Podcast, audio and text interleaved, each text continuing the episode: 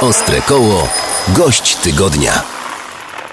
To może zacznijmy od tego, ym, ta banana mama, bo ja myślałam, że to jest po prostu nazwa marki skarpet, które projektujesz. Okazuje się, że nie tylko i że właściwie to nazwa wywodzi się z pewnej historii. No może od niej zacznijmy. Banana mama ma swoją historię, która się zaczęła, no mogłabym powiedzieć, że już w liceum, kiedy zaczęłam piec namiętnie chleb bananowy i po prostu się nim dzielić.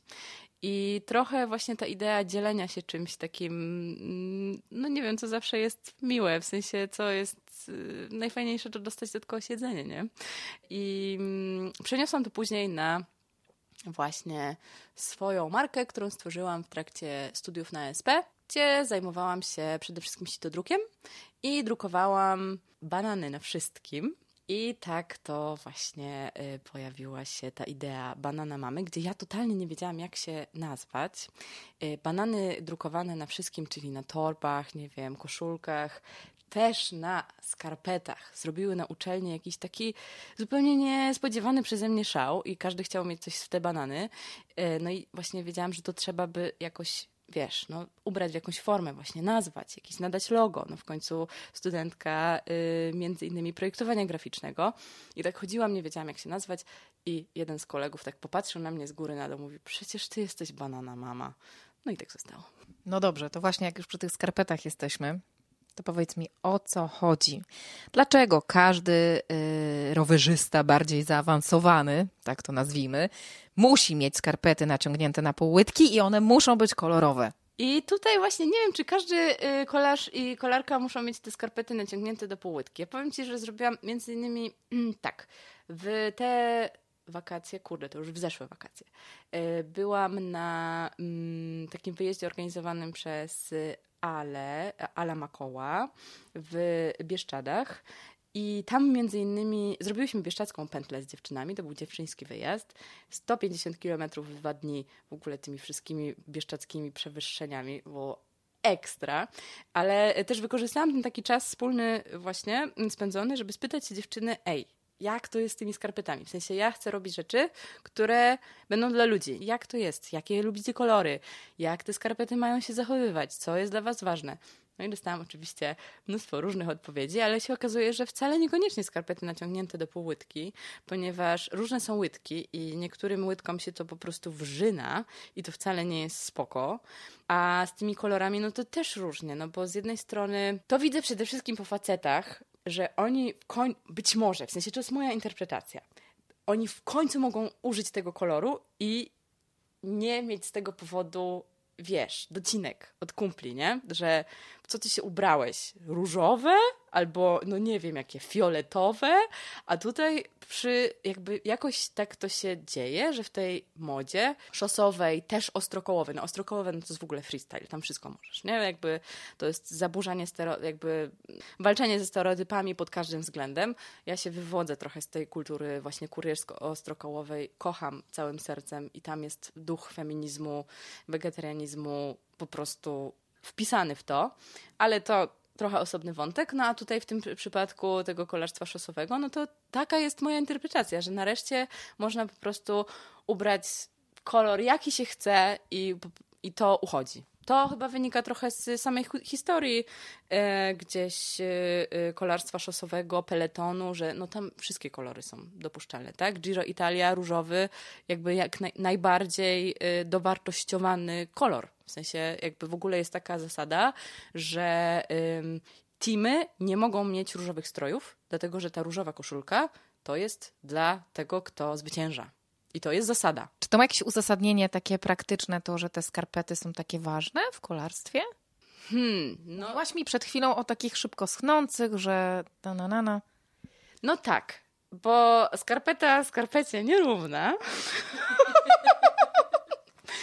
I ym, w przypadku tych skarpet takich tak zwanych kolarskich są to skarpety, które są z, zwykle z sztucznych włókien, yy, ale no i tutaj w tym, wiesz, tym naszym takim jednak trendzie obecnie popularnym, ekologicznym Zero Waste, który jak najbardziej jest mi bliski, no to trochę tego jakby się nie da póki co połączyć, bo yy, ważne jest, żeby ta skarpeta szybko schła i nie obciskała i żeby po prostu ta noga ci, ta stopa ci oddychała jak najlepiej. To też nie tylko jest ważne przy samych zawodach, gdzie po prostu masz nie myśleć o tym, że masz te skarpety na sobie, one mają ci nie przemoknąć, nie zapocić się, nie zaśmierdnąć, mówiąc wprost. Ja się nie boję takich tematów. Proszę bardzo, jestem specjalistką skarpet. Skarpety mają ci nie zaśmierdnąć.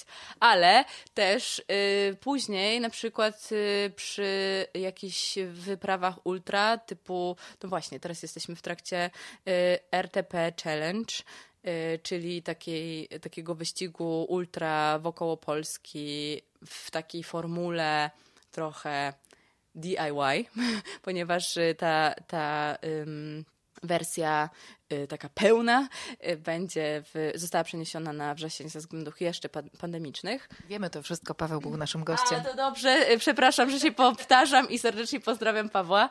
Y, A y, tutaj, no właśnie, no ta skarpeta ma też szybko wyschnąć, ponieważ y, no jedziesz, jedziesz, jedziesz, masz mało czasu, y, spakowałaś się, wiesz, bikepackingowo, czyli na lekko, czyli pewnie masz tylko dwie pary, więc w tym czasie, kiedy masz jedną ubraną, to druga ci schnie. Więc to nie może być bawełna, bo ona ci nie przeschnie w ciągu To musi być po prostu coś, co gdzieś tam w przydrożnym, nazwijmy to, strumieniu, no szybko jakoś, nie wiem, wytrzesz piachem, zawiesisz gdzieś tam na swoim rowerze i rano wstajesz i to już jest suche i jedziesz. Mhm, Okej, i te skarpety nie są ekologiczne, więc ty robisz inne. No i tak i nie, w sensie jakby ja szukam ciągle rozwiązań i e, mi bardzo zależy na tym, żeby produkować w Polsce. Uważam, że to jest najbardziej ekologiczne. W sensie przeanalizowałam sobie ten temat naprawdę od początku do końca, żeby nie powiedzieć od stóp do głów e, lub od głów do stóp e, i wyszło na to, że jednak najważniejsze, w sensie jeżeli chcemy być tak naprawdę ekologiczni, nie tak wiecie, tak, że ekologiczni, że tak ma się tą naklejkę, że eko, a tak naprawdę to nie wiadomo, co tam się pod tym kryje, no to bardzo ważny jest krótki, najważniejszy jest krótki łańcuch dostaw. Więc jakby to z jakiego materiału to jest jedna rzecz, ale ważne, żeby to po prostu nie generowało tego śladu węglowego. I tutaj dla mnie kluczowa jest produkcja w Polsce i na przykład szukam włókien sztucznych, które byłyby z recyklingu, ale w tym momencie w Polsce one są niedostępne. Więc ja nie będę ich ściągać z Chin ani z Turcji, bo to uważam jest po prostu no, udawanie, że coś jest, jakby obchodzenie tematu naokoło. Ja chcę, żeby było prosto. Zwłaszcza pan, pandemia to bardzo też zweryfikowała w tym naszym właśnie podwórku kolarskim, że okazało się, że krótki łańcuch dostaw jest kluczowy. Dlaczego teraz mamy taki problem z częściami i dostępnością y, części? Dlatego, że ten łańcuch jest długi, tak? Ściągamy ym, komponenty z Tajwanu i one gdzieś tam utknęły i cała branża ma problemy z dostępnością części. Wszyscy tego doświadczamy e, właśnie, bo ktoś chce na przykład kupić sobie rower i musi czekać trzy miesiące, a nie tak jak było wcześniej, że wchodzisz i kupujesz. No i to jakby ma swoje konkretne konsekwencje. No a tutaj, no to tak jak mówię, w tym momencie to rozwiązanie nie jest dostępne w Polsce, tak żeby to się opłacało też robić w małych ilościach. Ja jestem mikroprzedsiębiorczynią, w sensie ja nie jestem wielką fabryką, to y, też teraz y, konstruuję na nowo swoją notatkę na stronie właśnie bu- www.bananamamaboom.com o sobie i tam między innymi o tym piszę, że y, kto stoi za bananamamą. No to jestem ja. Teraz mam jeszcze dwie osoby, które mi super pomagają przy tym. E, Pozdrawiam serdecznie swój zespół, Asię i Piotra. E, Dzięki nim właśnie wydarzy się w najbliższym czasie nowy zupełnie wzór. No właśnie.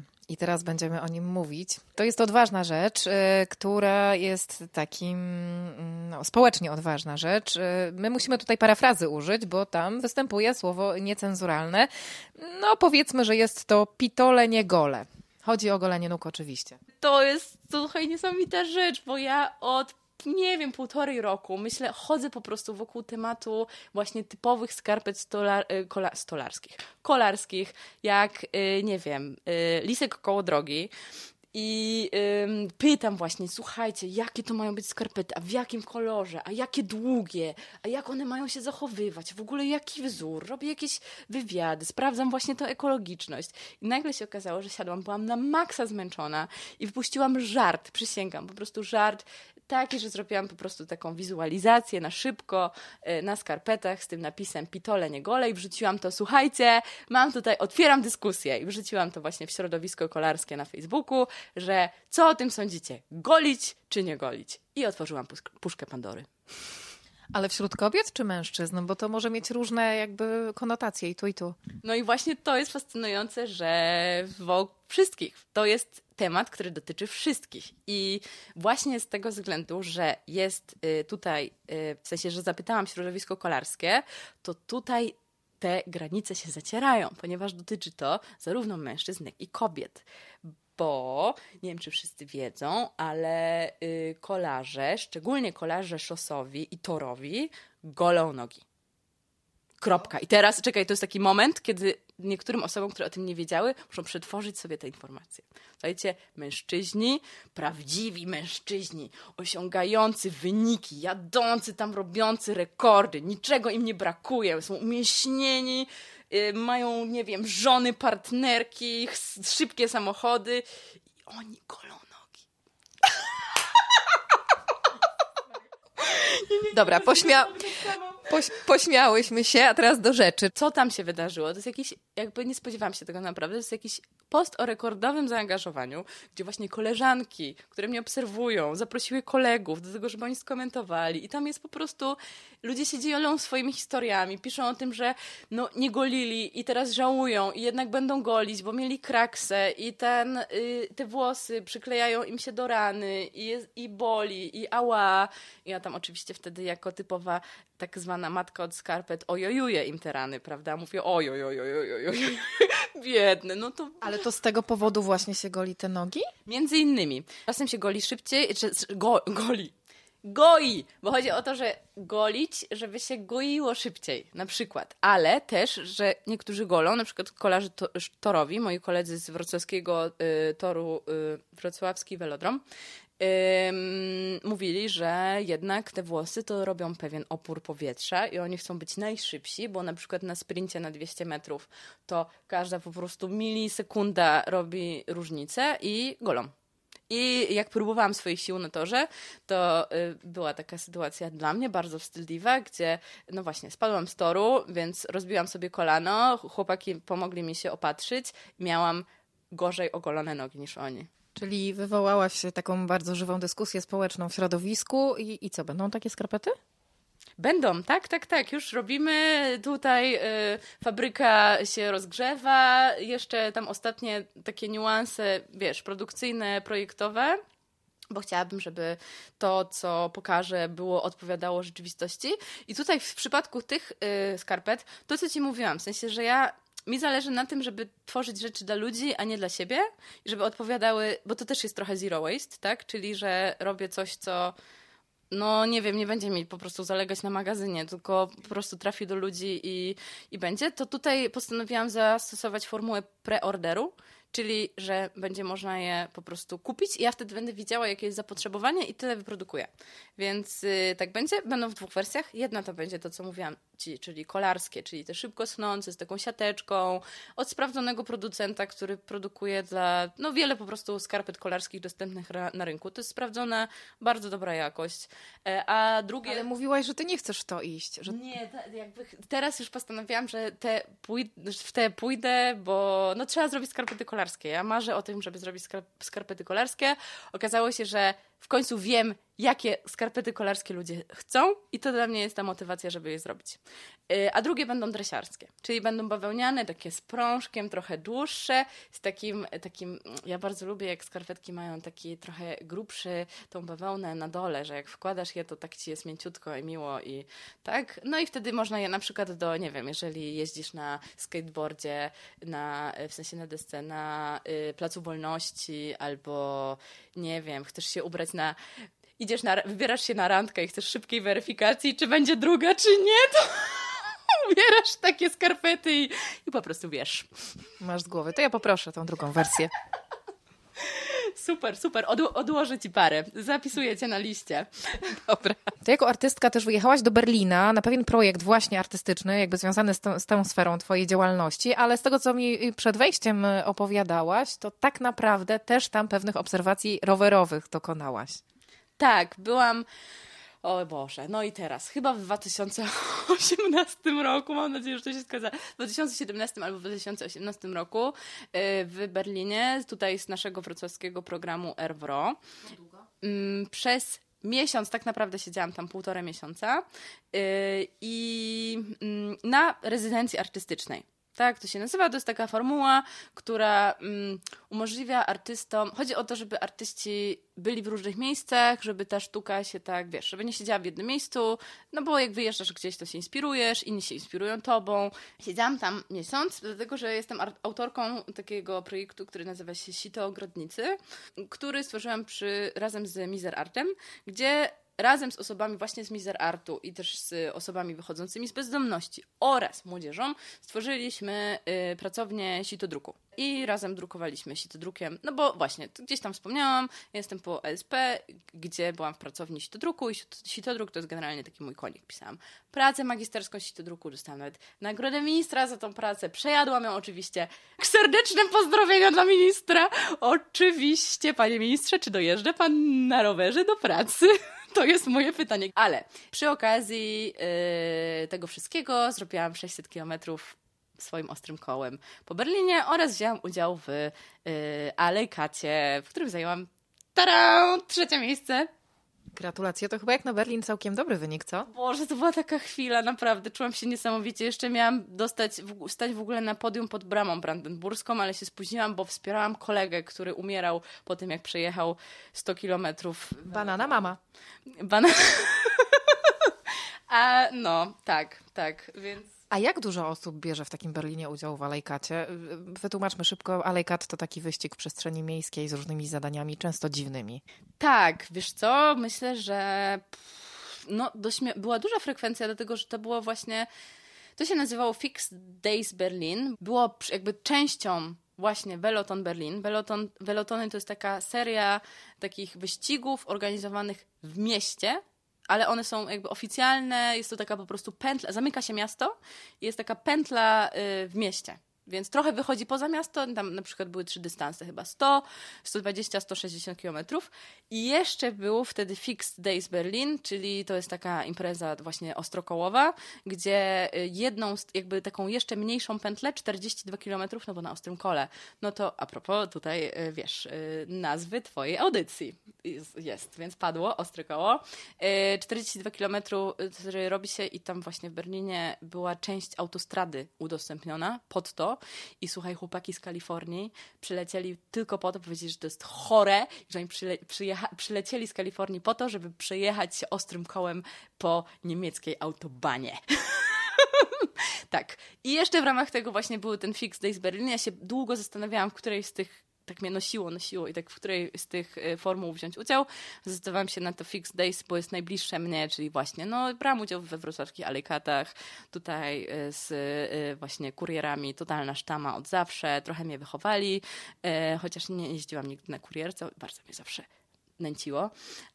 Ale mm, no co? No i tak. I odpowiadając na pytanie, ile osób mogło wziąć w Fixed Days Berlin, Wiesz co, no jak jechaliśmy takim przejazdem mm, przez miasto, to było spokojnie ponad 100 osób, ale w samym Alejkacie, kurde, no na pewno kilkadziesiąt. Ja y, wygrałam, no trochę, nie wiem, szybkością, a przede wszystkim kreatywnością. No właśnie, i tutaj moje kolejne, tak. może nie pytanie, a w sumie punkty rozmowy, bo ty słyniesz z tego tak naprawdę, że bierzesz udział w różnych wyścigach, zawodach. Nie zawsze być może jesteś e, faworytką, ale zawsze jesteś dostrzeżona i sama o to dbasz, żeby tak się stało. Bo na przykład, nie wiem, e, mieliśmy gości tutaj, e, gościliśmy w Ostrym Kole organizatorów Gravel Attack, którzy opowiadali, że ty podczas tej edycji dwa lata temu bodajże to było, czyli ostatnia tak naprawdę. E, przyjechałaś, nie wiem czy nie ostatnia, przedostatnia, przedostatnia ale przyjechała, przy, przy, przywiozłaś siatkę truskawek dla wszystkich uczestników. Tak, tak właśnie było. Właśnie żałuję, że trochę jeszcze nie poczekałam, żeby bo ostatnia, y, ostatni uczestnik dostał wielki złoty puchar. bo ja jeżdżę na entuzjazmie. Jakby ja też zakładam sobie takie realistyczne cele i myślę, że jakby to chyba nie jest przechwałka, kiedy powiem, że ja dobrze wiem, kim jestem y, i nie jestem po prostu turbozawodniczką i nie udaję też, że jestem turbozawodniczką, dlatego, że dla mnie kolarstwo to jest styl życia. To jest po prostu pasja. I teraz, czy zawsze pasja oznacza znaczy, że jesteśmy najszybsi, najszybsze, po prostu, wiesz, z najbardziej napompowaną łydą i bickiem i w ogóle właśnie po prostu najlepiej wyglądający w lajkrze. Uważam, że nie, że można jeździć y, na rowerze równie dobrze w bawełnianym t-shircie i bawełnianych skarpetach i, i że no po prostu chodzi o to, co ci to daje i co ty też temu dajesz, nie? Że jakby to jest tak bogata kultura y, rowerowa, są tam tak świetne rzeczy do wyciągnięcia. Jest po prostu, jak kochasz rower, to jesteś, to wchodzisz w inny świat i jesteś trochę, nagle stajesz się, naprawdę, część świata staje się ciebie jak, to, y, dla ciebie jak rodzina. Jakby rower mi otworzył tyle drzwi, tylko przez to, że po prostu, no ta pasja, no to jest taki wspólny język. Ja myślę, że też, zobacz, no dlatego jestem u ciebie, rozmawiamy sobie, bo po prostu, y, no rower, połączył nas rower i miłość do roweru i rower daje niesamowitą wolność, niezależność i taką możliwość wyrazu i jakby nie dajmy sobie tego zabrać też, że właśnie gdzieś tam przez taki, wiesz, mniej lub bardziej wydumany profesjonalizm, że, żeby w ogóle się liczyć, to musisz mieć osiągi, musisz mieć rower za 10 koła i w ogóle coś tam. Tylko, no, ta pasja cię niesie, nie? Tak. I tak, y, ja podczas tej rozmowy byłam praktycznie niepotrzebna. Y, Natalia Jerzak, Samograj, dziękuję za rozmowę. Dzięki serdecznie, Asia.